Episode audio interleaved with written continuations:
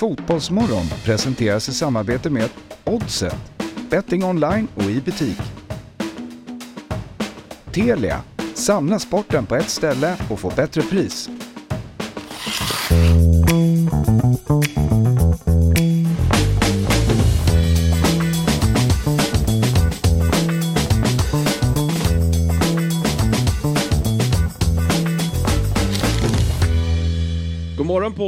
Varmt välkomna till Fotbollsmorgon tisdagen den 28 februari. Imorgon är det mars. Inget skottår här inte. Och... Nästa år va? Är det så?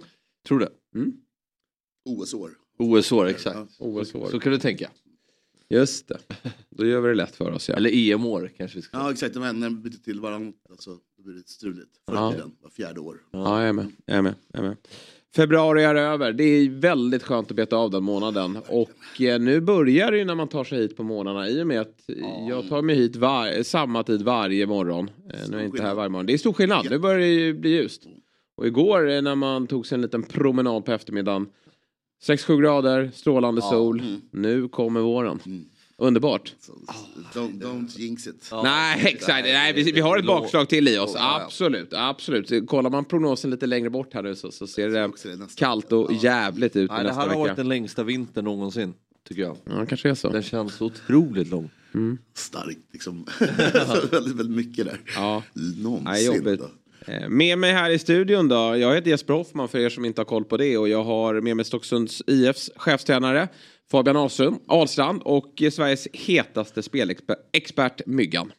Och vi kommer att få besök här i, i både i studion och med oss via länk.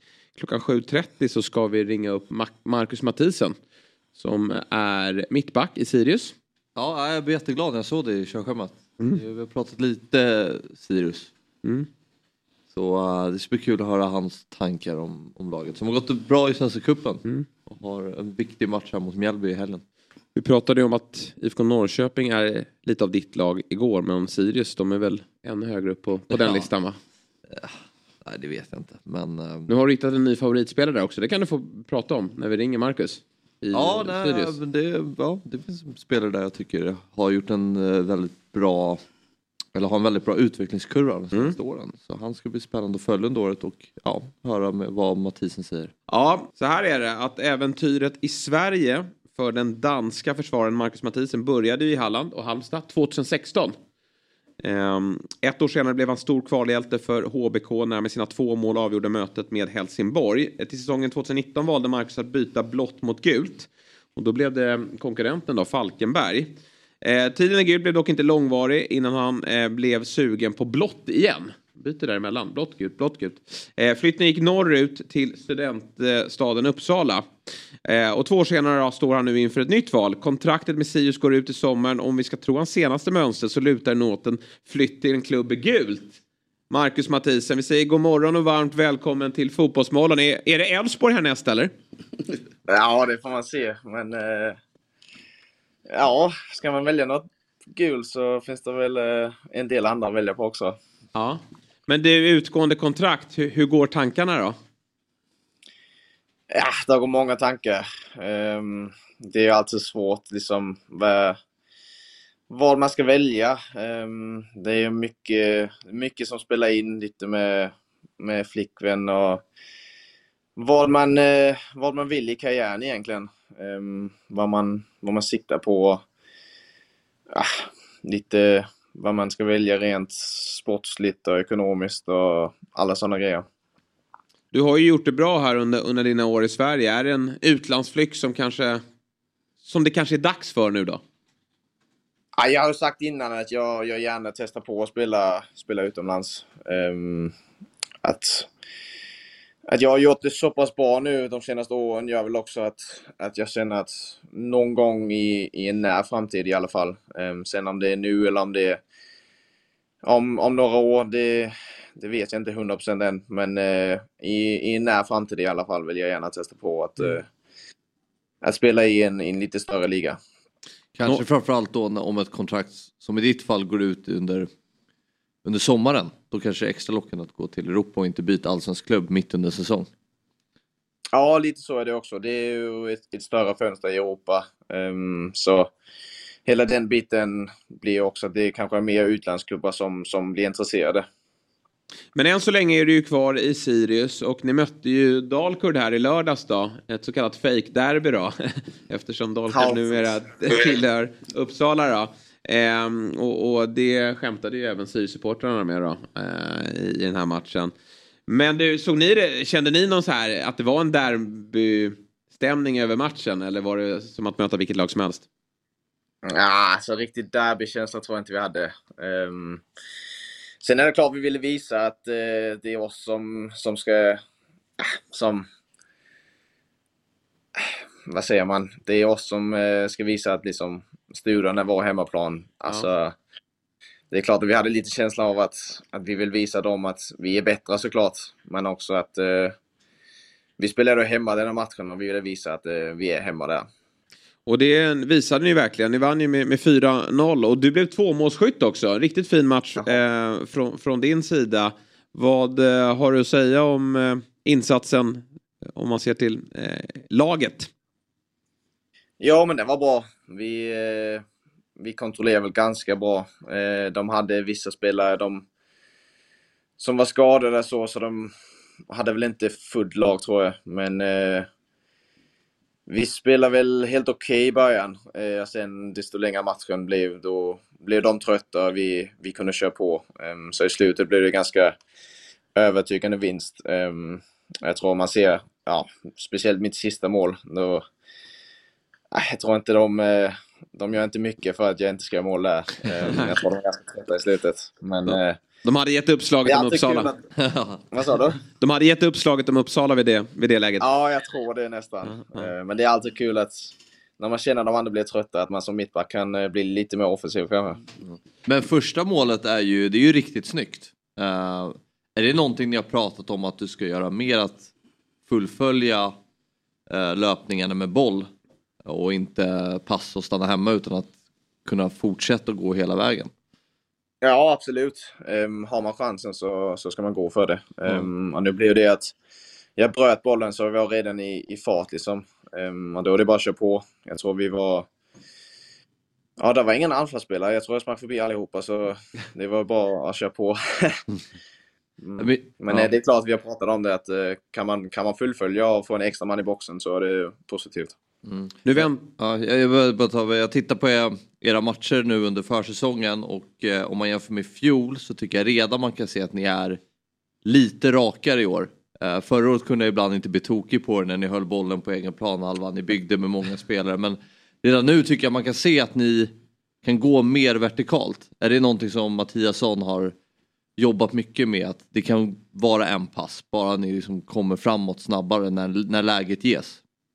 Ja, verkligen. Det var han ganska tydlig med direkt när han kom. Att eh, Han vill ha kontroll på matcherna, men han vill samtidigt att man spelar den snabbaste vägen. Liksom. Mm. Att, eh, ja, men som, som nu, liksom, har man en snabb kant som eh, vi har i Jocke Persson och jag har min högerfot. Alltså varför ska man inte sätta ner den bakom dem? Um, också för att kanske kunna skapa lite mer yta till att spela de här bollarna som vi också vill eh, komma in i, i laget och liksom spela i mitten. Eh, men det blir svårt om inte vi slår de här långa ibland. För då, då känner de också att fan, vi, vi kan stå högt. Vi, då vi vet de sätter aldrig en boll i djupled. Eh, men börjar vi på det, då till slut kan vi också hitta in på de här fina innermittfälten vi har. Eh, ja. Men eh, jag tror också det är ena anledningen till att jag har flyttat över till högersidan nu. Mm, jag spelade mycket vänstersidan förra året. Um, men jag tror gärna Christer vill att jag med min högerfot både kan eh, krossa till, till Matthews på vänstersidan men också kan sätta dem här lite rakare till ja, vem som nu ska spela mm. på, på högersidan. Som spelare, är det roligare eh, som mittback då att kunna slå den där bollen eller föredrar man att vara mer kortpassningsorienterad och att äga boll på egen planhalva? Alltså jag tycker det är kul. Ja, jag tycker det är kul att kunna sätta de här långa ibland. Mm. Um, det är också för att det är väl en stor del av mitt spel att jag, jag har en högerfot som kan sätta ut de här spelarna. Um, och då, uh, jag tror, hade jag aldrig fått slå dem så hade jag nog tyckt det var tråkigare. Mm. Mm. Men kände ni själv i, i fjol, alltså det som var, spelade i Sirius fjol, att det var lite för mycket det här kort, kort, kort, att ni kanske behövde det där andra alternativet också mer? Att kunna vara lite rakare? Ja, ibland. Jag tror Bäckström började också i, i vissa matcher säga att vi, vi kan slå dem lite längre, men det är klart, man har ju åkt på vissa smällar eh, där man har försökt spela, eh, speciellt ner omkring eget straffområde. Eh, jag själv också har fått liksom några smällar där man känner att ah, det kanske inte var det kanske inte var det bästa valet att, att passa in den i mitten när de är sju spelare som eh, pressas. Liksom. Men eh, absolut, det är något vi har pratat om att, att vi behöver inte riska den helt så mycket, speciellt när vi är nere i, i eget straffområde. Där kan vi hellre spela lite enkelt, få ut den på ytterbacken och sen eh, kanske ja, pressa dem jättehögt och går vi bakom dem istället. Ny tränare då i form av Christer Mattiasson. Vad är dina intryck av honom så här två månader in på ja, försäsongen och även tävlingssäsongen då eftersom kuppen är igång? Ja, jag har fått bra intryck. Han eh, kräver väldigt mycket. Han eh, är väldigt nere i detaljer. Um, vi hade ett möte igår till exempel där han gick igenom matchen. Um, och liksom nästan jag tror efter halva mötet sa han att eh, nu låter det nästan som vi torskade, även fast vi vann 4-0. Men eh, han hittar många saker där han tycker liksom att även fast vi eh, var ganska överlägsna så, så är det hela tiden grejer man ska, man ska slipa på och bli bättre. Um, så det är en, en tränare som eh, aldrig kommer vara helt nöjd tror jag. Men eh, det är också positivt. Vi, eh, vi ska lära oss att Även fast vi kanske tyckte denna matchen var ganska enkel så ska man fortfarande göra sakerna 100%. Ehm, det kommer också det kommer att lära oss liksom att eh, bli bättre när vi ska möta de, de bättre lagen som kommer i Allsvenskan nu. Vad är rimliga förväntningar att ha på Sirius inför den allsvenska säsongen 2023 tycker du? Jag tycker vi ska sikta på att komma högre än de två senaste åren. Ehm, jag tycker vi har varit... Vi har väl haft perioder. Vi har varit bra stundtals och sen har vi haft kan vi nästan ha haft alltså, många matcher där vi har torskat liksom fem i rad. Och, mm. um, så jag tycker jag tycker vi ska ha förhoppningar om att bli lite mer stabila. Att vi kan... Att vi inte ska ha de här perioderna där vi liksom vi har känt ibland att ja, nu vann vi två år i rad, så nu känner vi oss säkra. Och så torskar vi fyra i rad, så nu är vi nere i skiten igen. Mm. Um, att man kan vara lite mer stabil och då, då också tror jag att vi kan, kan kliva några placeringar i alla fall. Du Marcus, eh, Fabian här som sitter bredvid mig och som redan har ställt en del frågor. Han, han ser ju all fotboll och han är, följer Sirius väldigt nära och han har en ny favoritspelare i Sirius. Ah, ny favorit? Jag, är, jag tycker Joakim Persson verkar um, ta, ha tagit ytterligare kliv, kliv inför det här året. Hur, hur, hur ser han ut på träning och match? Absolut, han har tagit ståkliv. Ehm, jag var ju, han var ju en kort period när jag kom i, i 21 ehm, och blev ganska snabbt utlånad. Han var, ah, hade väl inte riktigt förtroende för, för Bäckström, ehm, men har gjort det väldigt bra i Brage. Mm. Har sett några matcher där, gjort uh, ja, helt sjuka mål ibland.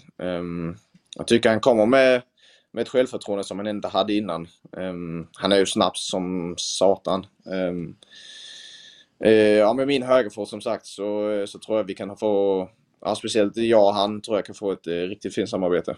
Vad bra Marcus! Ja, men jättekul att, att ha dig med och framförallt då nu Mjällby sista omgången här blir jätteviktigt för er. Mm. vinna den för då, då kan det ju bli eh, slutspel eh, och, och eh, kvartsfinal. Det är väl någonting ni siktar på? Ja, absolut. Nu eh, har de eh, haft lite problem med, eh, med de här två matcherna de har spelat. Um, I alla fall lite mer problem än vi har haft. Um, så vi går väl in lite som favoriter. Um, kul för en gångs skull. Och vidare på kryss också? Så, vad sa du? Och vidare på kryss. Ja, exakt. Mm. Med en bra målskillnad också. Ja. Så vi har väl bra chanser i så fall att, att spela hemma sen. och då kanske gå vidare till eh, eventuellt eh, ja, lite kvart eller semifinal. Mm. Mm. Ja, vi, vi håller tummarna för er och eh, önskar dig lycka till och så får vi väl höra oss vid i sommar igen då, då det fattas ett beslut kring vad, vad, Jajamän, vad nästa göra. steg blir. Ja. Stort Precis. tack för att du ville vara med denna morgon Marcus och, och lycka till med sången. Tack så jättemycket. Tack, tack. Ha det Hej.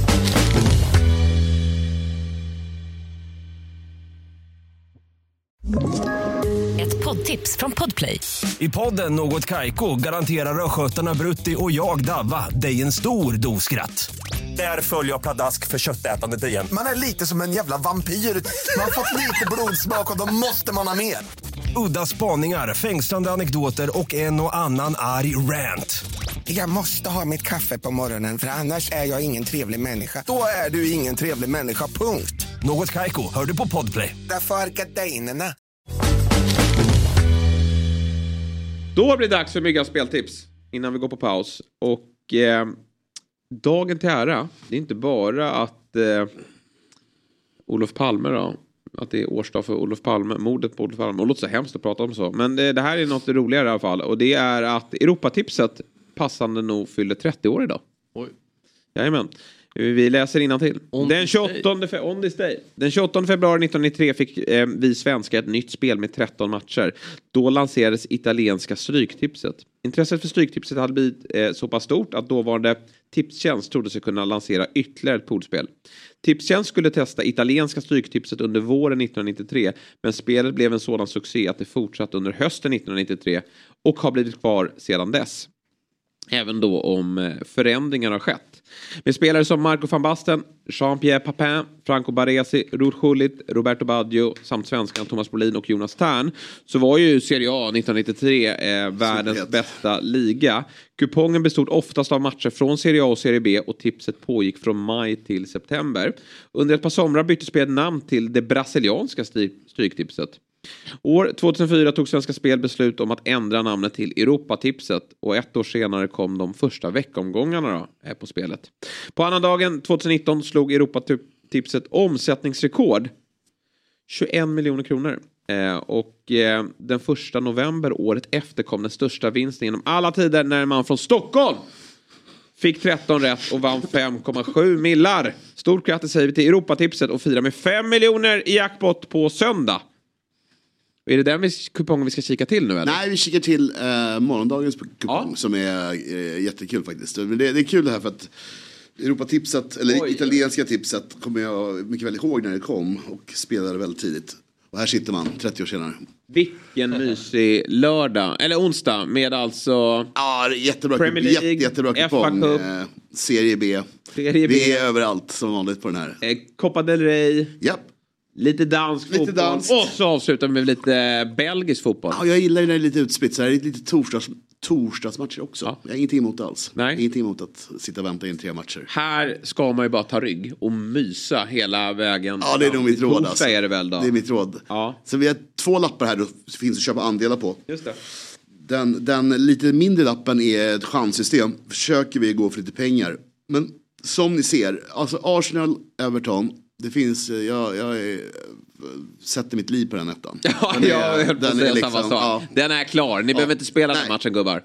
Och sen har vi Moyes mot topp 6-lag i England. Det vet Jesper vad det betyder. Ja. Det, det går inte att vinna. Det går Det inte. går inte, att kryssa ens en gång. Så den är så, så Kan ju vara viss rotation i United, men nej. De Det kan nog vara rätt mycket Ja. rotation tror jag. Ja. För jag tror inte de har så jättemycket incitament att, att, att ha sönder spelare. Men det spelar, Nej. det spelar ingen roll tror jag. Nej, de vinner ändå. och West Ham har inte råd att, att liksom spela. De kommer rot- rotera ännu mer. Mm. Så att, nej, den där, de där tvätterna är, är jättesäkra. Sen har vi Sheffield United, Tottenham. Nej, Jag undviker Liverpool som ni märker. här. Ja, du vill inte Kommentar den. över Det är bra, jag är, jag är glad att du har med tvåan. Ja, den är med. Den är med. Den ska vara där. Men däremot Sheffield United, Tottenham. Här kan vi i alla fall kanske få någon form av upset. Ja. Eh, Tottenham, lite chokelag. Southampton Grimsby, så här mardrömsmatch. Man vill ha med tvåan men det, det går ju inte att, att eh, ta ett League 2-lag mot Premier League och lägga in den tvåan. Nej. Det, det, tyvärr, jag har, inte, jag har inte råd med strecken. Eh, och sen Ekdal, Ekdal-matchen. Såg ni målet? Ja, du skickade det Ja, jag skickade till dig. Vi, det är till och med du blev imponerad va? Mm. Ja. Där får du visa upp grabbarna i omklädningsrummet. Vilket jävla mål de gör eh, i matchen mot Dock så Huddersfield. tycker jag att det är lite, jag ska inte säga överskattat, men det blir ju lite mycket Lite många passningar innan där. och som inte leder till Nej, själva- men alltså, Ekdals passning då? Ja men exakt. Den Men den föranletts ju inte av för att de har gjort så mycket bra. Nej. Nej, nej, Eller på sätt och vis kanske lite. Man blir det är alltid en stolthet när... Ja, ja, ja, men man ser ju verkligen... Ja. Ja, Då rullar den, eh, då rullar den hela, hela söndagsmorgonen på, på Sky, Sky eh, News. Ja, man, man förstår ju där Kompa har gjort ett bra jobb. Mm. Man ser ändå... Ska du inte ligga på Jalle och fråga om du kan få åka över på ett litet studiebesök? Det vore ju... Det blir Dröm. Ko- Kompani Ahlstrand i ett litet samtal. Svinlångt. Fy fan, nej, det vore. Fabbe går upp och ritar. Hugga, Vilken jävla hugga, självbild man har. då. kan vi hugga, Company. Ja. ja, men hugga Bellamy där. Han känns ju just det. han känns snackig liksom. ja, verkligen. Han hade gillat Fabbe. Ja, Kompani det tror jag jag... ha blir tror jag. Ja, jag tror det blir lite tufft. Verkligen. Får börja med Bellamy, men den tror jag... Det är en match made in heaven. Ja. Ja, men så upp och ner, ner upp på den här kup- kupongen. Men, men sagt vad, det, det, det är väldigt roliga matcher. Ta lite ställning i Cagliari, eh, Cagliari eh, Genoa också. Ja. Genoa på väg upp igen, vilket är kul. Eh, och eh, så har vi mer. Eh, och lite ställning i match 11 där som ni Men ser. du, ska man skruva om Barca tvåan där nu efter Det kommer nog nu? eh, skrivas om. Ja, alltså, det bra. ska nog skrivas om till jag tror jag, 18.30 imorgon. Det avgörs. Ja, precis. Det här är inte satt i sten. Det är skissen. Ja. Och sen hela sista. Det, där nere ska vi inte, där ska vi inte Nej, ha åsikter röra. Det Vincent. Jansen spelar i Antwerp. Det är andra, det är alltså de möttes, eh, det är andra omgången av en cup semi tror jag, eller kva- cupkvart. Royal Union leder 1-0, sen dess har de torskat mycket och Antwerpen vunnit mycket. Så att vi kör hela. hela. Ja, det är bra. Varför står det Antwerpen? Vilka är det? Royal Antwerp. Royal Ja, Antwerpen mot alltså, Royal Union. Ja, det vet jag, men jag tror de hette Royal Antwerp. Ja, det kanske heter Ja, det är Antwerp. möjligt. Ja, jag inte. Jag, jag, lägger mig, Nej, jag lägger mig platt där. Det är inget att be om. Eh, Feyenoord glömde bort att nämna också. Eh, tuffa på och kommer väl vinna i år hoppas vi. Ja. Mm. Det är lite kul att de vinner. Hereven är skit som vanligt. Så att gå in och rygga det här tycker jag. Så har du lite kul onsdag, torsdag kväll. Ja, jag kommer rygga båda. Jag Kostar ha... Mm. inte jättemycket att vara med på det här. Särskilt den vänstra är billig och den är ju den chanskupongen. Där vi går för lite cash. Ja. Och sen så värmer vi upp inför eh, Stryket och sen Europatipset då med extra Ja. pengar på söndag. Jag hade ju 13 rätt i torsdags. Snyggt. Ja, 11, Du är het. 11 och sen 12 i söndags. Nu, Ja. nu händer det. Börjar lossna. Baby steps. Shit alltså, myggan Baby är steps. on fire. Mm. Men glöm inte då, Oddset är ju en produkt från svenska, eller Stryktipset, Europatipset, Oddset, allting är ju en, en produkt från Svenska Spel, Sport och Casino AB. Åldersgränsen som gäller är ju 18 år eh, och har man problem med sitt spelande så finns ju stödlinjen.se till hands. QR-kod vet jag inte om vi jobbar. Så är det. Ja, dobb.band Ja, har du länkar till andelen där. Gå in och, Då kan man gå in och, och rygga där. Det är ju... Jag kommer att f- fitta runt lite grann fram till imorgon. Mm. Så att det, det här är inte satt i sten på något sätt. Det, när jag ändå har det på tråden. Saknar den här från dig här nu. Ja. det är- Ja, men det är alltid lite Men vad hände- när man ser att det kan komma lite ändringar också. Jag gillar Ja, det. Det här är bara, bara en skiss. Lilla Ja, skissen. ja, skissen. ja, Ja. Då- Nej, men det vi- kastas om inför imorgon. Ja. Men det är tid, tidigt spelstopp så att eh, det är Just svårt, det, man svårt kan med... in elver Nej, i- lite elver blir det, men inte, inte så många elver tyvärr. Men Fabian, vad händer med tips-SM? Haveri. Haveri? Ja, det går inget bra. Nej, nej. Det är inga Det lappar inlämnade. Nej. Så det... Bojkott från dig. ja. Mm, Han är svag. Jag är på G. Du, du märkte att jag är på G va? ja, verkligen. Tio Vad kul att se. Du Ja. hade ju Liverpool-krysset. Ja, jag hade Liverpool-krysset var med. tio inför Smög in. den, men Yes. jag, Jag jag hade, hade på elva. som vanligt gick jag bort mig på Championship. Mm. Vass i Premier League. Jag hade ju spiken på både West Ham, den Ja. löste sig slut, och Leeds. Och vad rökt på sa du? Nej, men det var i Championship. Ja. Men eh, du hade ju ett kryss, eh, förlåt, kryss två i Liverpool. Ja. jag kollade in din, din rad. Ja. Jag hade ju tvåan, så hade vi haft elva. Alltså Ja. för, för vårt lag skulle hade det kunnat bli ett bra poäng. Akta dig Men det ser bra ut. Det ser bra, jo, jag vet. Men ja. det ser, det, ser, det ser bra ut för oss. Ja, visst gör det. Vi är på G. Vi är på frammarsch. Trots att vi har David Fjell i laget. Otroligt. Vi eh, tar väl en liten eh, paus. Och så är vi tillbaka med en fin gäst här alldeles strax.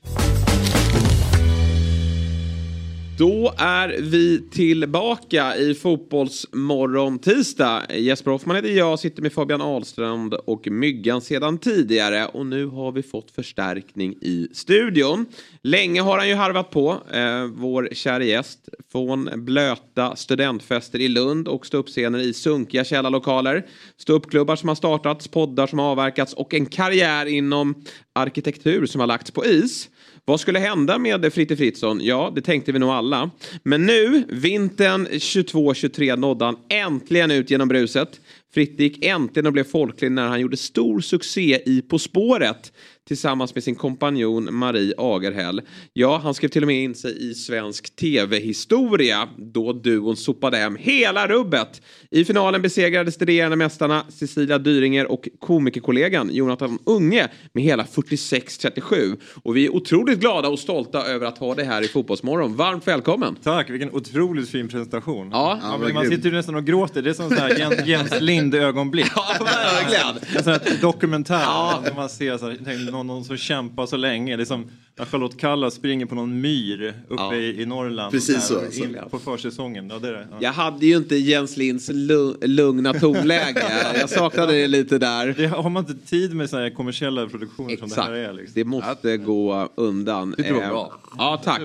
Vi får väl bara börja med innan vi pratar På spåret. Mm. För det är ju aktuellt och någonting som jag antar att du vill prata mer om. Gärna. Eh, Men framförallt, eh, som jag alltid ställer, eh, frågan vi ställer till våra gäster. Hur är din relation till fotboll? Ja, men den är god. Ja. Eh, Vi är på god fot. Sådär. Eh, och eh, nu har jag familj. Jag, har, jag började lite senare med här med småbarn. Så nu har jag en sexåring och treåring. Ja. Men eh, så att det, så här, det är lite så här att man jobbar på flera fronter samtidigt. Men jag, jag har ju då supportat Malmö FF sen, sen barnsben. Ja. Och eh, då brukar folk fråga sig, ja men det låter inte som du är från Malmö. Ja, Och så frågar jag, vad är du på då? Ja, Arsenal. Ja, det, det, är, det, är så helt, det är helt rimligt att hålla på ett lag i England, men inte. Men, eh, men sanningen är väl att hela min familj är gamla snapphanar kan man säga. Så det är mycket så här Göingebygden och eh, norra Skåne, södra Småland. Och min mamma har alltid hejat på Malmö och. Så att då, och min, eh, hennes morbror var också så här aficionado. Han tog tåget ner till Malmö och så här. Så att det har liksom blivit med familjen. Plus att när jag var li- liten då på 70-talet så var de så jävla bra också. Det var som det. motsvarande 10-talet typ. Ja. Eh, Så att de var i Europacupfinal och sådär. Så då, då var det inte helt fel. Plus att man blir lite rebell på skolgården. Jag är uppväxt i Knivsta då, utanför Uppsala. Alla höll ju på Bayern och AIK och Djurgården. Ja. Men, det var ju, jag tyckte det var lite gött att ha ett annat lag. Det där är, har ju någonting, jag är uppvuxen ute på Lidingö och det var ju bara djurgårdare i min klass. Ja. Och jag älskade ju att kunna liksom eh, ta mig efter eh, matcher. Då var det mycket hockey, då åkte ju alltid, Djurgården vann ju alltid över AIK. Men just när man fick den där segern att liksom komma, brösta upp sig och, det, och argumentera för sin sak. Jag är gnagare och här har vi två djurgårdare. Okej, Här skäms ja. vi inte över våra lagtillhörigheter, alla vet ju om det. Så att, ja, men eh, det är ju så här fint att vi kan bonda över Ja. Ja, ja, verkligen. men det är bara svensk fotboll som du följer då Alltså eller? jag hade någon slags slumrande intresse både för Manchester United och Barcelona sen när jag var liten. Det, det, jag vet, det var kul att följa lag men det har liksom lite falnat. Men jag, jag blev lite glad när de vann ligacupen nu, Man United. Så. Man blir också glad för när det är svenskar i laget. Så det finns någon slags liten stolthet där. Alltså det kan jag känna för andra lag också. Ja, men, alltså, Leipzig är ju liksom ganska mycket plast men alltså, jag blir lite glad när, ändå när Forsberg vinner. Så där, det är Absolut. där. Ja. Jag köper det. Ja. Nej men det, där är jag med dig. Men du, På spåret då. Det är ju mäktigt på alla sätt och vis att inte bara få vara med utan faktiskt gå hem och vinna hela skiten. Vad, eh, till att börja med när du fick förfrågan, vad kände du då? Ja, men jag, jag, jag blev så här lite, eh, en hisnande känsla. Grejen var den att de ringde mig en måndag morgon och frågade om jag ville spela in ett provprogram på eftermiddagen. Så jag misstänker att det var någon som hade, kanske Jesper Hoffman som hade tackat nej. så, eh, eller det var någon, jag tror att det var Jag dementerar. Ja, ja, något par som hade hoppat av. Eh, och så, så frågade de, vill du liksom spela in? Väldigt kort framförhållning. Så åkte jag in till TV-huset här i Stockholm då och gjorde ett provprogram. Och så sa de efter provprogrammet, ah, men det här, räkna inte med någonting. Det här kan bli om två år eller aldrig. Sådär. Vi, bara, vi testar en massa olika människor. Men redan veckan efter då så ringde de och sa att vi vill att du ska vara med och då, hur ställer du till att tävla med Marie? Och så, så här, Det är absolut, det är skitkul.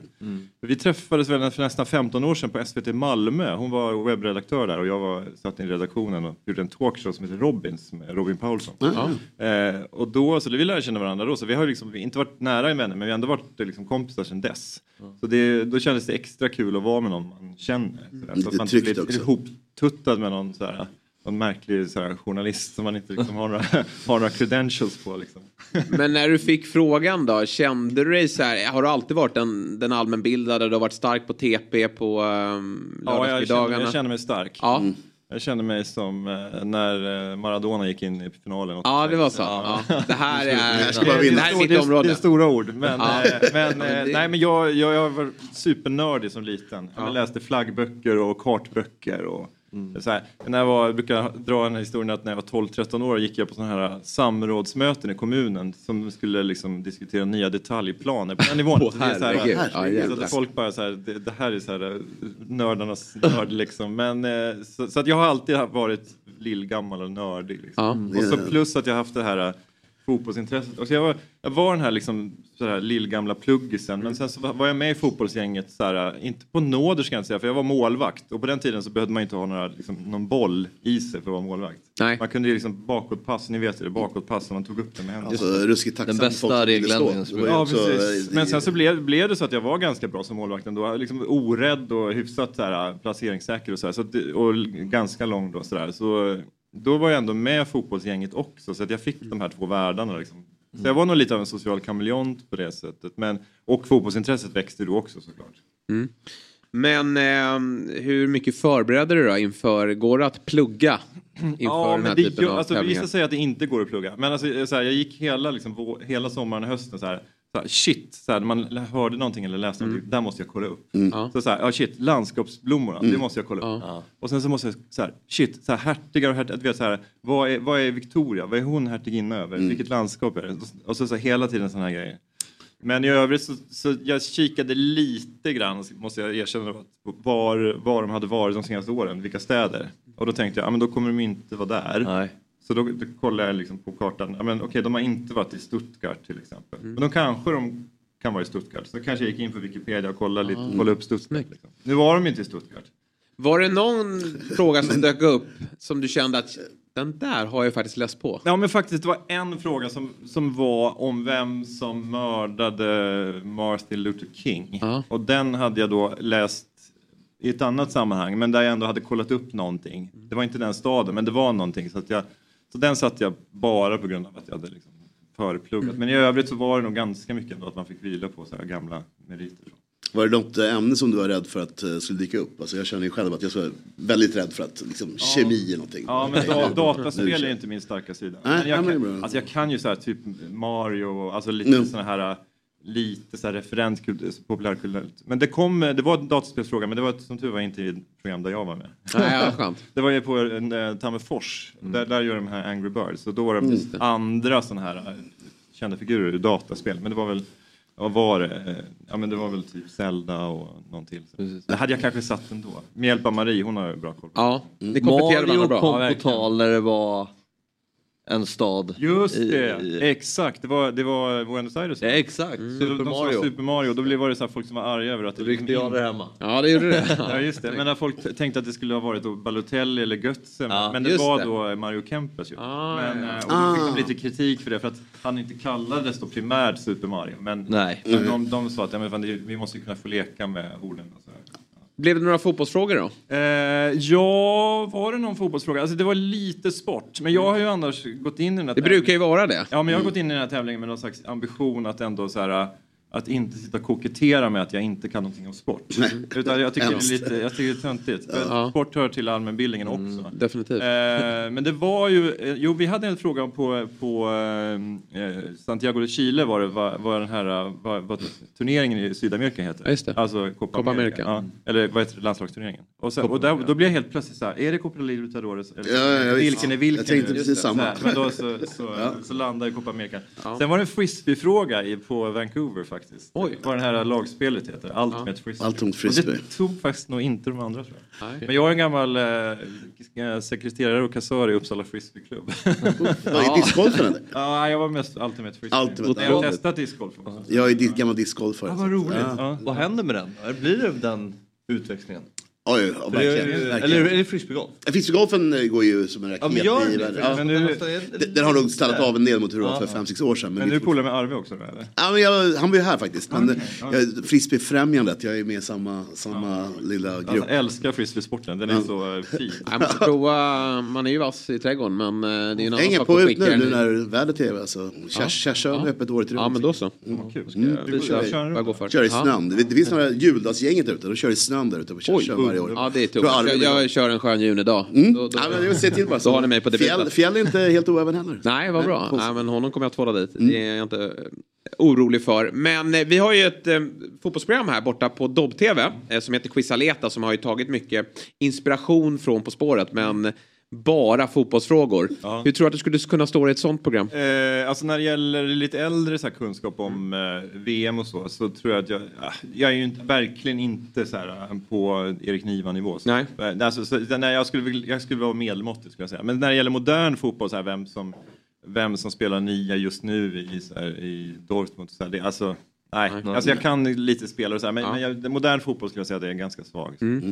Jag har ju varit med och medverkat där och Mm. du har ju inte varit med där men du skriver ju frågorna. Här är ju på tal om Erik Niva-nivå så säger vi Fabian Ahlstrand-nivå. Han är ju vår eh, Niva när det kommer till Savan- kunskap. Sav- Savanten. Nej, jo, med lite Raymond över det hela. Eh, vi, eh, men då, jag känner ju att när jag har gått in och då är det ju för en betydligt mindre publik än vad du eh, kliver in för. Men jag känner att det låser sig lite i skallen Mm. på vissa frågor när man ska gräva fram svaret på kort tid. Jag tycker det är, inte, jag är inte nervös men det, det liksom, får inte igång verksamheten. nej. Säger kanske mer om mig än, än om, om formatet. Men eh, kände, hur kände du när du sitter där? För det, det är ju liksom det mest populära programmet som finns där ute. Och du vet ju att det är otroligt många som kollar på dig. Ja, nej, men, jag, men jag tyckte ändå att vi hade, alltså när, resorna de är ju de mest stressande tycker jag. För där, där är, den tiden man ser i rutan är den tiden man får. När det gäller frågorna så, så, så klipper de ner lite. Det kan ju hända att, att eh, Ina Lundström och Hanna Hellquist sitter och pratar lite längre i verkligheten. det kan hända, jag säger, jag säger inte att det är Nej, så, men nej. det kan hända att de sitter en halvtimme i varje fråga och bara kacklar lite. Förlåt, det, där blev det så här, nästan misogynt. Skitsamma. Kör på. Eh, jag älskar dem båda. Ja. Eh, vad- eh, vilken den här kameran jag tycker... Ja, men jag, du älskar- be om ursäkt. Be om ursäkt Ja, kameran. ja, men det är verkligen så här, Ja. biktkameran. Ja. Så här, kör på Margot Dietz-nivå. Ja. Nej, var Kan vi förlåta Fritte? Ja, är jag förlåten? Ja. Eh, nej, men så att, så att, men, eh, nej, men när, när, när vi fick frågorna så var det så att jag, jag, försökte, och Marie också, vi försökte skriva ner liksom snabbt så att man hade någonting på papper och sen så kunde man sitta och resonera kring det. Men, Alltså jag, jag är så, så stressad blev jag inte av just det. Men det var någon av musikfrågorna där vi, oftast är det ju ett längre stycke och sen har de lagt in någon liten bit av en annan låt i den frågan också. Och då satt vi och diskuterade huvudlåten och sen när låten var slut så bara shit, vad var det här andra? Vi hade inte ens lyssnat efter. Vad var det här? Och då bara, oj, bara men då sa de så här, vi ska ta låten en gång till. Alltså då för att bandet och artisten ville det. Och då bara, Ja, vad bra. ja, Då fick du Ja, snyggt. tänka om. Ja. Men du, i finalen då? Ja. Då rycker du ju på 10-poängaren i eh, eh, Vart är vi på väg? Ja, precis. Det är ju Eh, då Santiago de Chile. Tror jag. Precis. Ja. Och jag vet ju nu när jag kollar i efterhand så ser jag ju att, att Jonathan och Cecilia är inne på Chile också. Ja, ja. Men de drar inte. Så när, jag, när vi drar då, så, mm, och så säger Cecilia fan. Man, Ja, det Inser, Ja, inser. ja, och det där, men det, jag gillar det där momentet för att eh, flera gånger under tävlingen så har de också klippt in båda burarna och vi har nog dragit tiondelen efter i alla fall i två, två program. Man ser så. Och det var, ah. Och eh, på en skala 1 till eh, Marcus, Marcus Rosenbergs guldmål på Friends Arena 2019. Ja. Hur eh, skönt var det? Hur kaxig kände du dig? Eh, ja, men jag skulle vilja säga att... Nej, var det inte det? 2000, 2014 var det ju. Ja, 2014 var det. Eller så Friends, eller menar du hans sista mål? Jag skulle vilja säga det. Nej, men det, det han gör, hyrsmålet Ja, det är är ju 14. 2014. Ja. Så Ja, vad är det just det. 2019 då? Ja, Det är sista matchen. Sista matchen, okej. Ja, det är mot De Dynamo Kiev det hemma, 4-3 Ja, målet. just Ber- det. Berget på högerkanten slä- slår en långpass. Ja. Eh, ja, men på en skala mellan de två så, ja, men det är uppe på Marcus Rosenberg-nivå tror jag, liksom, när, när vi inser att det, hans mål är så här eh, instant Mm. eh, reward, men, men vi, det är lite mer smygande när man, när man känner det här vid två frågor kvar att ja, men nu har vi nog det här liksom. Alltså det, det var coolt säkert folk i rutan som här satt och räknade ut att nu är de klara. Men vi, visst, vi var så nervösa, vi visste inte riktigt sådär men, men eh, men när vi satte de sista frågorna vid Florens, så då, eh, det var ju en eh, otrolig känsla. Men om vi stannar kvar vid fotbollen då. Eh, Malmö FF som sagt är eh, favoritlaget och du var på plats... Eh, igår? I. Nej, det går, igår var du inte på Luleå. Men du är på plats här uppe i Stockholm också antar jag när det, Ja, när det men vi spelas. ses ju på, Ja. på eh, Platsbaljan till Ja. på, och även den riktiga arenan Friends. Nu, Drömunderlaget. nu, nu känner jag att det är så här skapar... Nej, det ska du göra. Jag tror Men jag, jag måste, måste fråga fråga om det här. För att, alltså, det är ju lätt att vara kaxig som Malmö eller AIK-supporter just det här med, med naturgräs och sådär. Men, men jag, jag, jag följer ju en del fotbollsmänniskor på Twitter och sådär. Men det känns inte som Bayern och Djurgården alltså, supportrar, alltså, som, som det känns viktigt. Det, det är ingen Jag fråga som kan, drivs. eh, Nej, jag bra. kan hålla med om det att eh, den frågan... Det drivs kan- för dåligt menar Ja. jag. Ja. Jag tror kanske folk typ inser att det är Men vad, vad, att exakt. få en ändring på det. Ändringen känns o- Eh, omöjlig. Liksom. Men jag kan hålla med om, för jag är ju själv, och mig inkluderad såklart, jag kan ju påverka. Det finns och, ju- ja, men jag är ju också väldigt kritisk mot det här. Att, Men hur ska man göra? För det, men jag det, går vet, är inte, det det går inte att lägga nytt gräs på Tele2. Nej, det är kört. Den är ju... Och bygga en ny arena i Stockholm kommer inte ske under min livstid. Och på tal om min livstidssurret så kommer inte, det kommer inte hända. Så att det enda hoppet jag har det är ju att eh, det blir någon stadionåterkomst. Liksom. Ja, det är ju drömmen Mm. såklart. Ja. Det är ju... Och sen är det gräs det där. är Jag, svårt, att, svårt att, alltså när man säljer kanske 20-25 000 biljetter i bästa fall och sen så ska tillbaka till att sälja 12 000. Då kan Ja, Ja, exakt. men jag tror vi får uh, tänka om och bygga får riva den Ja, där K-märkningen Ja, och, och Det, det där är ju en lång, en lång hade ju- härva. Men de här eh, som gjorde eh, Pekingboet, Ja. de tyskarna, deras favoritarena är ju Stadion. Ah, okej. Jag tänker att typ Ekdal-familjen tar tag i det här. Kontakta Ja. dem, Stockholms stad.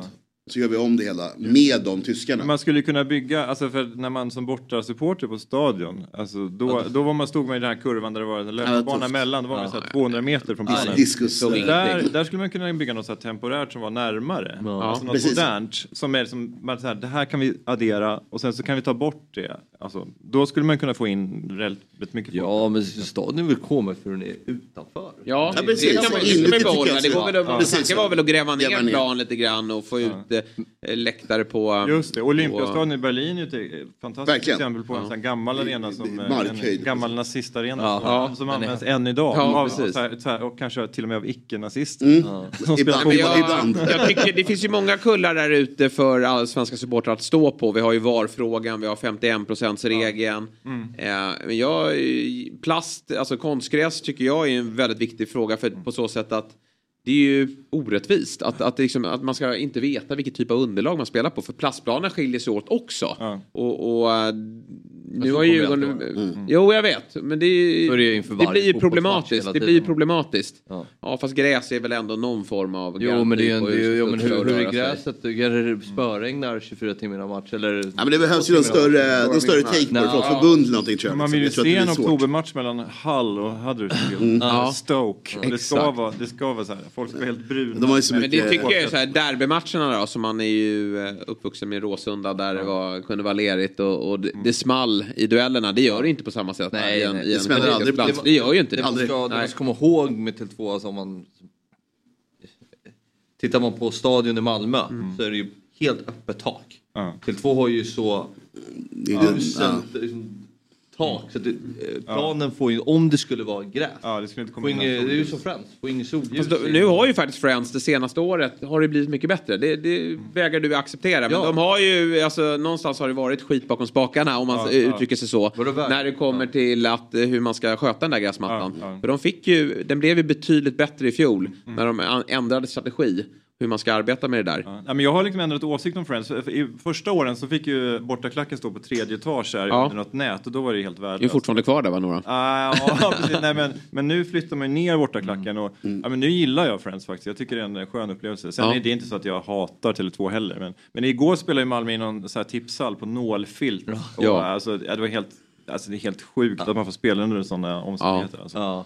Men vad säger du om Henrik Rydström då? Som, Eh, som ny tränare? Jag tror att många, många är väldigt glada över det. Sen så vet man ju inte hur, var, liksom, var det landar. Men, men de senaste åren så, så har man ju haft en känsla av, ja, när eh, Jon, Jon Dahl Tomasson kom, då kände man grund, ja, men det här blir bra. Och det blev bra. Och när eh, Rössler kom så kände man också det här kommer bli bra. Och det blev bra. Alltså åtminstone till en del. Men sen de andra namnen som eh, Allan Kuhn och, och, eh, och sådär. Då, då kände man så här, mm, vem? Liksom, och då blev, det blev inte så bra. Magnus Persson? Ja, ja, men det var väl också, det blev inte så bra. Alltså, Nej. all, jag tror att vi alla ty, har- tycker väldigt mycket om Persson. Alltså vi gillar hans liksom, fotbollsfilosofi och, och sådär. Men, jo men alltså, man, Ja. man har någon slags en fin person. Ja. Men, men det, det kändes ju som Ja, men det, det, det blir den här gamla klassikern att de här tränarna med mindre pondus och mindre erfarenhet kanske har lättare att tappa omklädningsrummet. Ja. Den här gamla klyschan. Eh, att de inte har den här grundläggande respekten. Men Rydström har ju. Han har ju jätterespekt i hela fotbollssverige. Och eh, han har ju liksom kombinationen av att kunna vara tydlig och kunna liksom sätta emot men också liksom intelligent och kring spelsätt och så. Du, vad, vad trevligt att ha dig med här Fritte, denna morgon. Superkul att vara här och surra lite grann som man säger i sport. ja, men exakt, det är så vi jobbar. Ja. Kameleont som du är så, så är du med i surret. Och eh, hur eh, konsumerar man dig bäst då? Det är podden? Ja, allt velat veta och sen eh, kan man ju se min standupklubb Oslipat. Ja. Finns i Stockholm, Uppsala, Malmö, Lund, eh, Jönköping, Landskrona. Så vi, vi branchar ut här över hela Sverige. Ja. Där kan man se mig. Ja, men det, det, ja, precis. Och sen kan man gå in på min hemsida fritt.se. Där, mm. där lägger upp, kommer jag lägga upp mina gig nu efter. Ja, precis där, snyggt. Okay. Uh, så att uh, det är väl det. Och sen så kan man se mig på uh, Coop uh, Gröndal. Ja. där jag står liksom, med två små ungar och liksom så här, försöker att dra åt olika håll och ja. de, de vill ha ostbågar och, och mm. godis en tisdag. Jag bara så här, det, är inte, det är inte den dagen idag. Nej, jag, jag har exakt eh, åldrar, eller barn i, i de åldrarna också. Ja. Eh, och, och det är en kamp. Efter, strax efter Coop kan man se mig på Gröna Dalen då, som ligger bredvid där jag sitter med en starköl och barnen liksom springer där. Ja, men det är bra. jag måste lugna ner mig lite. Då, då ansluter jag dit och inte Coop. Nej, det låter trevligare. Ja. Ja, men stort tack för att du eh, ville vara med oss Fritte och, och lycka till med allt du, du tar dig an. Och tack. så håller vi, nej vi håller inte tummarna för Malmö FF. Ni har vunnit för mycket, men, men för din skull då, så, så uh, hoppas vi att det går bra.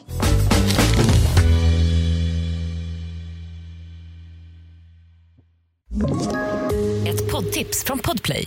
I podden Något Kaiko garanterar östgötarna Brutti och jag, Davva, dig en stor dos skratt. Där följer jag pladask för köttätandet igen. Man är lite som en jävla vampyr. Man har fått lite blodsmak och då måste man ha mer. Udda spaningar, fängslande anekdoter och en och annan arg rant.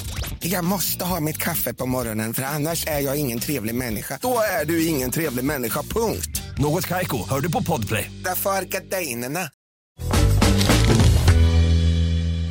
konstaterar att vi har med oss en av Sveriges mest profilerade sportskribenter. I över 20 år skrev han för, Afton, eh, för Sportbladet och eh, var en nagel i ögat för många supportrar, främst supportrar i Stockholmsklubbarna. Eh, men kändisskapet som journalist har såklart ett pris.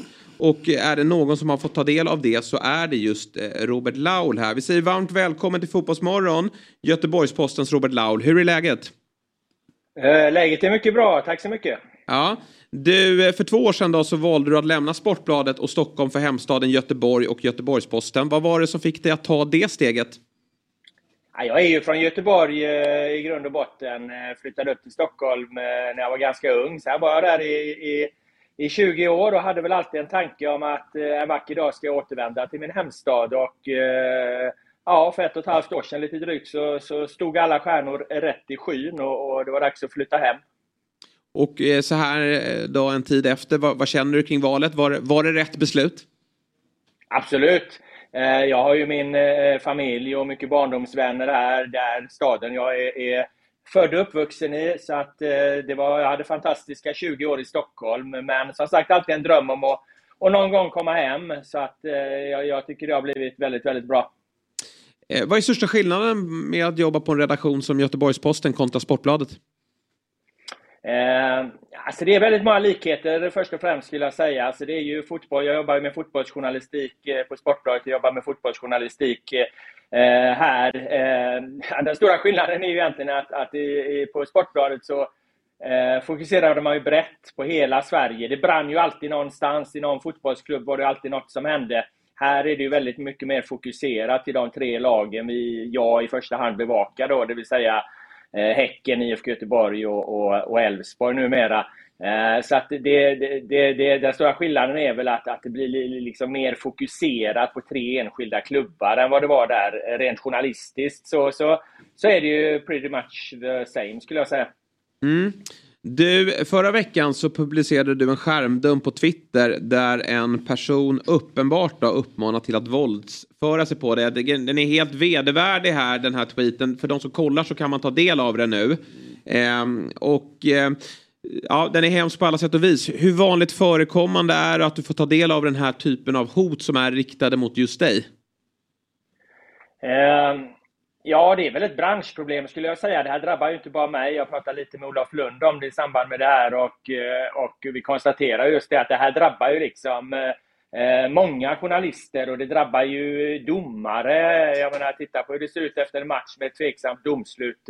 en jättesäkerhetsapparat kring domare då. När det går dåligt för klubbar så drabbar det klubbledare, det drabbar spelare. Alltså det, det, det är extremt vanligt med hat, hot och, och ja, den här bedrövliga miljön som är runt fotbollen, eh, runt svensk fotboll. Ehm, just mig så har det ökat eh, nu på senare tid och jag, jag, jag, tror liksom att det hänger ihop med att jag bevakar just IFK Göteborg. IFK Göteborg har haft en lång tid eh, utan eh, sportslig framgång. De sladdar i tabellen. Det går inte särskilt bra för dem. Eh, då är min liksom erfarenhet att när det går dåligt för den här typen av storklubbar eh, då, då får det massa negativa effekter på olika sätt. Ett tror jag är liksom att att eh, hat och hot mot de som bevakar klubben journalistiskt ökar. Jag märkte det när jag var uppe i Stockholm, liksom att i perioder när det gick dåligt för Stockholmslagen Eh, så, så blev det besvärligare att bevaka dem. Det blev ett skarpare läge kring dem. Nu går det ganska bra för Stockholmslagen, så nu tror jag det är ganska lugnt kanske på den fronten. Men, men det har ju varit tider här Eftersom jag bevakade Stockholmslagen under hela 20, under 20 år där så var det ju tider när det gick dåligt för dem. Då, då, då, då det var ganska tufft där uppe också. Men hur känner du när det dyker upp en sån här tweet i flödet? Vad, vad, så här rent personligt, hur orkar man eh, jobba vidare? Nej, men det blir komplicerat. För jag menar, det här kommer ju precis innan ett derby då mellan, eh, mellan Gais och IFK Göteborg också. Och, och, då ska jag ju sitta på en pressläktare där. Jag vet att det finns ett pris på mig.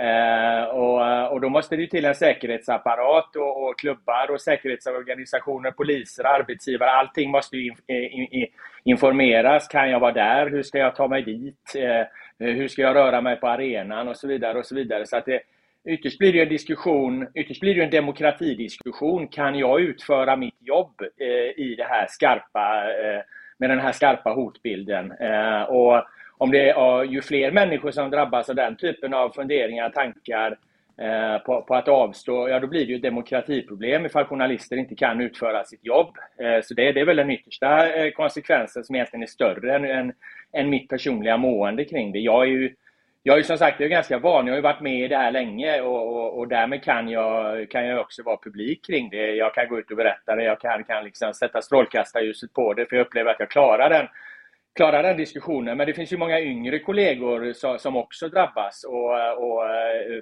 för, för dem inbillar jag mig att det, det, det, är ännu värre när man liksom inte är van vid den här miljön.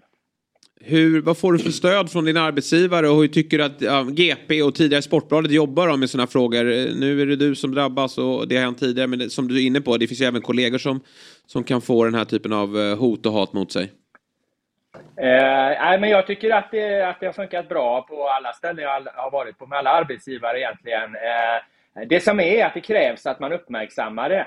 Eh, om, om, du liksom, om man tystar ner det, då är det ingen riktigt som bryr sig om det. Eh, och eh, min erfarenhet är också att de här krafterna som vill hota och hata, de gör gärna det eh, i, i, i, skugga så att säga, alltså att det inte kommer ljus på de här frågorna. Man brukar säga att trollen spricker när man drar ut dem i ljuset. Och och jag tror att det är viktigt att göra det, att, att, visa att det här förekommer. För det är också så du får med dig arbetsgivare, du får med dig chefer, du får med dig liksom, klubbar, du får med dig liksom vettiga supportrar som inte vill ha liksom den, här, den här destruktiva svansen runt sina föreningar. Som, för ytterst så slår ju det här mot föreningarna. Det blir ju en, det blir ju en, en besvärlig och beklaglig och, och, ganska mörk bild runt IFK Göteborg eh, till exempel i det här fallet då när det här finns. Det brukar kommuniceras från klubbar och även andra supportrar och sådär att det är en liten klick människor som förstör. Delar du den bilden eller tycker du att det här är något som eskalerat och att det är ganska många där ute som beter sig som skit? Eh, jag tror man kan säga på två sätt. Alltså det, det, det, det är en liten klick som ställer till med väldigt mycket problem. Men eh, jag upplever att, eh, som jag var inne på lite tidigare, att när det går dåligt för de här klubbarna Eh, då tar inte den, den, de goda krafterna, den stora massan, de tar inte tillräckligt avstånd från de här avarterna utan de, de, hänger, de hänger någonstans eh, i, ihop med det. Det blir ett allmänt missnöje mot klubben, mot att det är dåliga resultat och då accepteras liksom i princip allting bara för att även de goda supporterkrafterna är så missnöjda med att det inte är bra sportsliga resultat. Så att om det då kommer in lite annan skit, liksom, då, då, då, då har man någon, någon, form av överseende med det och, och, och, och, så går man som en enad front i sin besvikelse mot de här sportsliga resultaten och så, och så tar man inte eh, eh, det är på så stort allvar, eh, exempelvis sådana här hot. Då. Jag tycker att de goda supporterkrafterna, de måste, de måste liksom öka avståndet till de supportergrupperingar och de supporterfalanger som, som håller på med sånt här och som håller på med, med liksom Eh, illegala aktiviteter överlag runt fotbollen. Vi hade derby här nu i Göteborg. Det var, det var, liksom, det var vandalisering och det var slagsmål på stan och, och det var en, en, en rad eh, elände i anslutning till den matchen. Och, och precis som, som jag tycker att eh, de goda supportkrafterna måste öka avståndet när det gäller hat och hot mot journalister, domare, spelare, klubbledare, så måste man också öka avståndet kring, kring de här bitarna. Eh, om vi vänder på det lite då. Hot och hat är ju aldrig okej, okay, men det finns ju även de där ute som, som kan eh, liksom formulera sina tweets på ett betydligt bättre sätt. Och, och där är det ju många som, upp, eh, som menar på att du är provocerande i din roll som journalist. Finns det någonting mm. i det, tycker du själv? Kan du se din roll i det alltså, hela? Ja, man kan ju ta exempel på, på det aktuella exemplet eftersom du tog upp det. Då. Det började med att jag skrev om att eh, eh, målnäten, alltså näten i fotbollsmålen på Bravida Arena hade bytts från gulsvarta eftersom det här är Häckens hemmaarena till vita eftersom IFK Göteborg och Gais skulle låna den här arenan då tre matcher i Svenska Cupen. Eh, då skriver jag att, att, eh, att man har bytt de här näten och, och, och uttrycker mig i en krönika att jag tycker det är ganska larvigt att, att byta nät liksom för tre matcher vad spelar det för roll ungefär liksom. Men det är en, en, en, en åsikt jag har som krönikör och, och det är ju det här som driver igång i det här fallet. Det, då får jag eh, börja med att jag får officiella reaktioner från IFK Göteborg som inte tycker att jag ska uttrycka mig på det här sättet. Det fortsätter med 10-15 minuter i en supporterpodd kopplad till IFK Göteborg där man då ja, man försöker avhumanisera mig på olika sätt. Och det slutar med ett skarpt hot från eh, IFK Göteborgs eh, hårdföra eh, firmafalang. Liksom. Så det blir någon form av trestegsraket kring att jag har, syn jag har synpunkt på att de vill byta ut målnäten som i grund och botten ju är en liten klackis. Eh, och det säger väl någonting om miljön eh, just då. Tänk då om man ska granska de här föreningarna på riktigt, alltså att du ska komma med avslöjanden som kanske som kanske verkligen är besvärande för dem. Hur kommer reaktionerna då, då att, äh, att vara? Hur upplever du bemötandet från klubbarna då? I det här fallet IFK Göteborg som du ju har en del kontakt med kan jag tänka mig då eftersom du följer laget. Alltså, jag upplever IFK Göteborg som väldigt svaga i de här frågorna. Eh, och det hänger också ihop med det här med att det är dåliga sportsliga resultat. Då har man svårt att och, och, markera mot olika saker, att stå upp liksom för eh, föreningens grundläggande värderingar. Man ska ju veta att det här är en kamratförening i IFK Göteborg och, och jag tycker de är svaga på att, att stå upp för sina eh, kamratvärderingar så att säga. Inte bara i det här fallet utan eh, det, det, det finns tidigare exempel och, och, och, kring miljön i stort kring IFK Göteborgs matcher som ju från supporterled eh, inte alltid andas eh, så, så mycket kamratföreningskänsla. Mm. Jag, jag är intresserad av de här tidigare exemplen som nämner. För jag, jag är djurgårdare och jag har ju varit med och upplevt tunga perioder men jag har aldrig känt det här att det vänt så mycket mer emot klubben och övrigt. Alltså, att, jag ser mer att man svetsar samman i sådana lägen, supportrar och... Alltså jag är mer intresserad av de exemplen du pratar om. Ja, men du har ju, om du tar Djurgården då, så har du ju där runt 10-talet där när Djurgården har en väldig svacka. Jag vet inte om du minns den. Det är ju kval, kval och så. Ja, ja.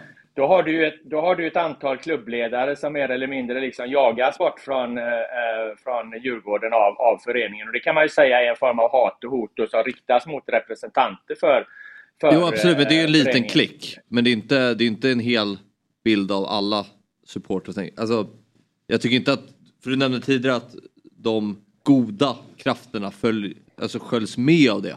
Men det tycker ja. jag inte stämmer, i alla fall inte Nej, men om det, de ja, men då, kan du, då, då, kan du fundera lite på det där perspektivet. Om det nu hade bara varit en, en liten, liten eh, klick som inte har något direkt inflytande och den stora breda supportermassan hade stått upp för de här människorna då, exempelvis Djurgården på den här tiden som, som liksom hotades bort. Eh, då hade man väl kunnat hantera den situationen. Då hade den här lilla klicken väl inte kunnat vara så röststark ifall det inte varit så att de i tider av dåliga sportsliga tider så att säga faktiskt får med sig eh, delar av, av supporterkollektivet eh, så att, att det liksom blir, blir, blir ett bredare drev mot de här personerna. Ja, vi, vi, lämnar det tråkiga då, eh, hot och hat. Eh, och så tar vi oss till själva fotbollen som spelas just nu i Göteborg. Vi får lite känslan här efter derbyt igår, eller i förrgår då, där, där Guys verkligen spände musklerna. Och sen har vi ju Häcken som nyligen har vunnit SM-guld. Att Göteborgsfotbollen är lite på frammarsch, är, är, är det så vi ska tolka det? Eh, jag skulle säga att det är en otroligt intressant tid i Göteborgsfotbollen just nu. Eh, och den står väl egentligen BK Häcken särskilt för, som ju vann SM-guldet här i höstas som sagt. Och eh, utmanar ju IFK Göteborg, även om Häcken har varit bättre sportsligt senare, senare tid, så är ju IFK Göteborg den stora den stora föreningen i, här i stan såklart. Den har enormt mycket mer åskådare och sympatisörer och följare än, än de andra Eh, föreningar. föreningarna. Det är den stora maktfaktorn på många sätt. Men, men genom Häckens liksom sportsliga frammarsch, genom Häckens guld här nu i, i i, i höstas genom att Häcken är på väg att skapa sig en enormt stark ekonomi. Jag tror de kommer redovisa en, en omsättning någonstans runt 300 miljoner här nu och då snackar vi ju, då snackar vi ju, då är de uppe på, på liksom AIK och Hammarbytal, har vi för fan eh, nosa, flåsa Malmö i nacken. Eh, eh, så att eh, hela den liksom den maktkampen mellan IFK Göteborg och BK Häcken befinner sig i ett otroligt spännande skede var det kommer ta vägen. Eh, jag har ingen aning om hur det, hur det kommer sluta ifall Häckens resa uppåt fortsätter, Blåvitts fortsätter, fortsätter neråt. Men alldeles oavsett så kommer den tiden vi befinner i, i oss i just nu tror jag kommer vara, utgöra många kapitel i, i framtida historieböcker just för att det är så himla mycket på spel mellan de här två föreningarna just nu. Eh, häcken kommer väl av allt att döma fortsätt, fortsätt att vara i en toppstrid. Hur, hur bra är Häcken 2023 tror du? Ja, de ser otroligt bra ut. Jag var nere i Spanien här nu och följde deras eh, läger där. Eh, de har adderat ett par, par liksom, eh, delar till sitt redan framgångsrika spel. De behåller ju det här mittfältet som är ett av de bästa man har sett i Allsvenskan. Eh, Eh, i modern tid skulle jag säga. Ehm, jag tror att de kommer vara med där med, vad ska vi säga, Malmö FF och, och, och Djurgården. Det är väl stalltipset att det blir Malmö, Djurgården och, och Häcken som gör upp om topp tre. Sen är det ju alltid något lag som, som eh, som får någon dipp av olika anledningar. Det får vi väl se vilket, vilket det blir. Ehm, det är problemet Häcken har här nu, det är väl att de har tappat Alexander Jeremejeff, vet ju alla om, men och även Blair Turgott, mm. en, en tänkbar ersättare som har sett bra ut under försäsongen eh, Eh, fått ett skadebesked då att han är borta hela året. Så att, så att de måste ju verkligen ut på, på, på det som eh, fortfarande är öppet på, på, på, på, på möjligt att få tag på på transfermarknaden då eh, i, i det här läget liksom för att, för att säkra upp en, en, en nummer nio, alltså en, en ensam anfallsspetsen där i, i deras 4-3-3-system. Så att de har lite att göra på, på transfermarknaden eh, för att, för att liksom inte bli, plötsligt bli försvagade här nu när allting har sett så bra ut för dem. IFK Göteborg då, ett lag som eh, törstar efter framgång. Supportrarna börjar ju bli minst sagt otåliga på att denna, mm. Eh, eller, denna storklubb, det är de ju oavsett vad, vad, resultaten visar. Men, men det är ju även en klubb som har slagits om eh, titlar eh, historiskt sett, men som är en bit ifrån.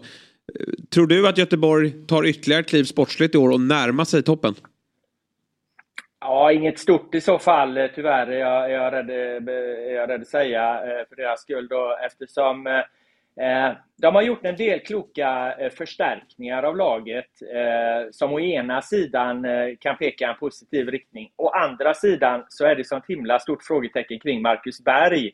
Och då, ska man inte, då måste man komma ihåg att Marcus Berg bar IFK Göteborgs offensiv i, i, i fjol om inte IFK Göteborg har en hundraprocentig Marcus Berg, då tror inte jag de kommer få så mycket effekt av de här eh, förvisso eh, kloka nyförvärven de har gjort. Eh, och, och, och, då tror jag faktiskt utan en hundraprocentig Berg, då är IFK Göteborg ett sämre fotbollslag än de var, än, än de var 2022 när de slutade åtta. Så då, då, då, då är det snarare att de får titta neråt i tabellen än, än uppåt. Ehm, och, och hela den här situationen gör ju också liksom att det börjar blåsa lite kring nyckelpersoner i föreningen förr eller senare. Och, och eh, vill det sig riktigt illa så kan det bli en rätt jobbig säsong för, för IFK Göteborg det här. Eh, även, om, även om det finns liksom eh, indikationer på att det skulle kunna bli bra. Men, men väldigt mycket kokar ner just i den här bergssituationen. De är, otroligt, de är otroligt beroende av honom av två anledningar. Att han är så i en allsvensk kontext eh, fortfarande en sån oerhört bra fotbollsspelare när han är 100% eh, frisk. Men också att de inte har någon direkt eh, eh, liksom ersättare som är, i närheten av Marcus Berg. Då. Men min känsla är ändå att förväntansbilden på Blåvitt bland de egna supporterna är att de har tonat ner lite. Jag har inte hört en Blåvitt-sport som tänker att tro på topp 5. Ja, det, går, det går lite upp och ner. Ja, det går lite upp och ner det där skulle jag säga. För ett tag sedan så, så, så eh, tyckte jag ändå jag mötte rätt mycket reaktioner på att eh, folk trodde på Blåvitt här i stan. Liksom. Och jag har varit lite förvånad över det, för jag har väl bedömt dem ungefär som att ja, men de ser väl ungefär likadana ut som i fjol. Eh, sen kom den här förlusten mot Gais i derbyt då, som som jag å ena sidan tycker är en enskild match. Det är liksom inte konstigt att Gais är tusen gånger mer taggade i, i, i, i den här matchen när de får chansen att, att spöa storebror. Det ligger ju någonstans i, i idrottspsykologins eh, eh, eh, grundlager det där. Eh, och, och, då möter man reaktionen istället. Ja, men, eh, eh hur, hur, kan IFK Göteborg vara så himla dåliga i år? Liksom? Alltså då, då, så att jag, jag upplever ändå att det, det, någon form av förväntan fanns det. Men kanske, du kanske refererar till de mest initierade supportrarna och de, de, de, de har nog varit lite mer eh, lugna i sina förhoppningar. De tror jag ser någonstans ändå att det här i mångt och mycket är ett ungefär eh, liknande IFK Göteborg som det var i fjol. Som sagt, väldigt försvagade då om, om, om Marcus Berg inte är 100 procent. Ja, vi får se vad som händer. Stort tack Robert för att du ville vara med och dela dina tankar kring fotbollen och så hoppas vi att rötäggen som hotar och hatar upphör med det omedelbart. Ja, stort tack. Kul att vara med. Ja, ha det så tack, bra. Robert. Hej. Tack. Ja, ha det gött. Hej, hej. Bra. Mm.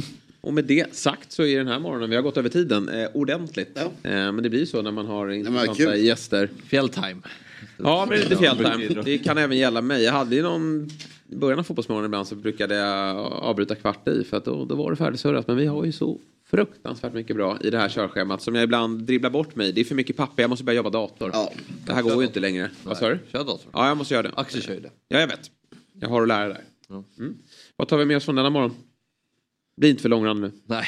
Nej, nej, men ingenting då. Nej, nej vad bra. Men det var kul. Ja. Det var kul att höra om På spåret. Det är ja, ju verkligen. Ja, lite inside. Det tycker jag är skitkul. Verkligen. Nej, det var superintressant. Mm. Jättebra. Tack för det mina Tack. herrar. Eh, Myggan tillbaka imorgon. Ja. Då är inte David Fjell, han har Chelsea-sjuka, utan då är det Axel som sitter här. Mm. Eh, Timell är tillbaka, Frykebrant och Myggan dyker in. Bra, och du bra. får ledigt, ladda upp batterierna ja. eh, och, och försöka få ordning på ditt fotbollslag istället. Så gör vi som så att vi ses imorgon klockan 7.00 igen.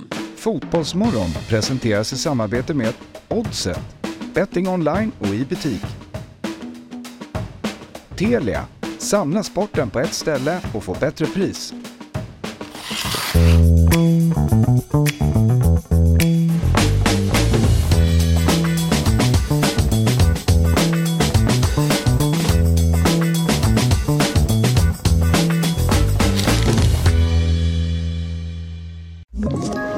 Ett poddtips från Podplay. I fallen jag aldrig glömmer djupdyker Hasse Aro i arbetet bakom några av Sveriges mest uppseendeväckande brottsutredningar. Går vi in med hemlig telefonavlyssning och, och då upplever vi att vi får en total förändring av hans beteende. Vad är det som händer nu? Vem är det som läcker? Och så säger han att jag är kriminell, jag har varit kriminell i hela mitt liv men att mörda ett barn, där går min gräns. Nya säsongen av Fallen jag aldrig glömmer på Podplay.